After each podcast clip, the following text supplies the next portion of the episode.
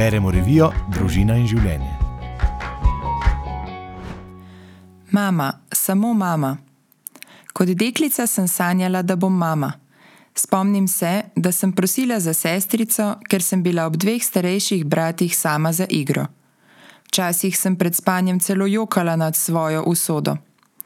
V srednji šoli sem imela nekaj sošolk iz velikih družin. Vse sem občudovala in glasno že takrat povedala, da bom imela veliko otrok.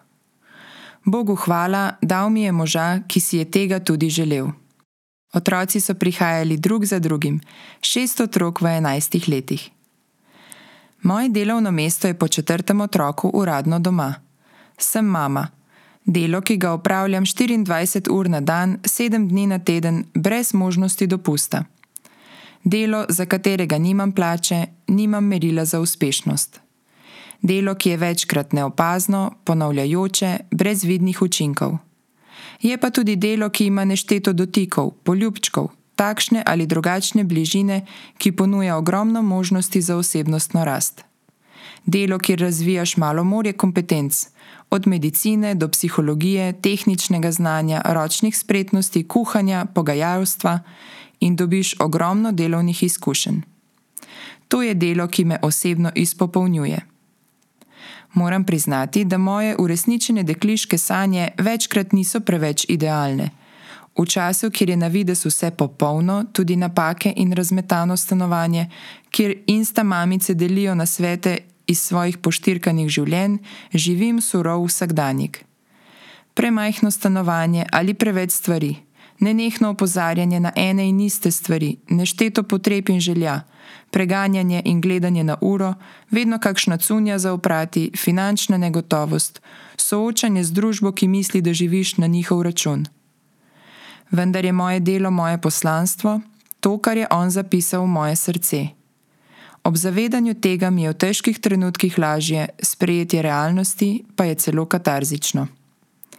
Ko sem uvajala najmlajšega v vrtec in sem ostala ob dopoldnevih sama doma, sem morala prevrednotiti svoje delo.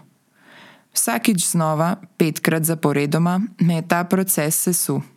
Spraševala sem se o svoji vrednosti, o tem, kaj prispevam družini, kaj je lenoba in kaj je čas zase. Če sem iskrena, sem trenutno ravno v tej fazi. Ko imam doma dojenčka, je polje mojega delovanja jasno. Kaj pa zdaj? Zapravljam čas? Bi morala iti v pravo službo? Sem vredna le toliko, kolikor je vredno delo, ki ga opravim? Ali zaradi tega, ker sem doma intelektualno in socialno nazadujem? Stiska je včasih velika in če se pustim voditi notranjim občutkom, me vleče le navzdol. Veliko lažje pa se sestavim, če ostanem mirna v tem, da je to moja pot, po kateri želim. Ne sama, ampak z njim. Moje okrevanje je moja rast. Če sem duhovno stabilna in se redno družim z Jezusom, je ozdravljenje hitrejše in temeljitejše. Otroci vedo, da jih doma nekdo pričakuje. Imajo več možnosti, da razvijajo svoje talente, ker imajo profesionalno taksistko. Mož nima skrbi, kdo bo spet vzel bolniško. Ima več priložnosti za dodatno delo, ki je hkrati njegovo veliko poslanstvo. Tudi najen zakon ima bonitete.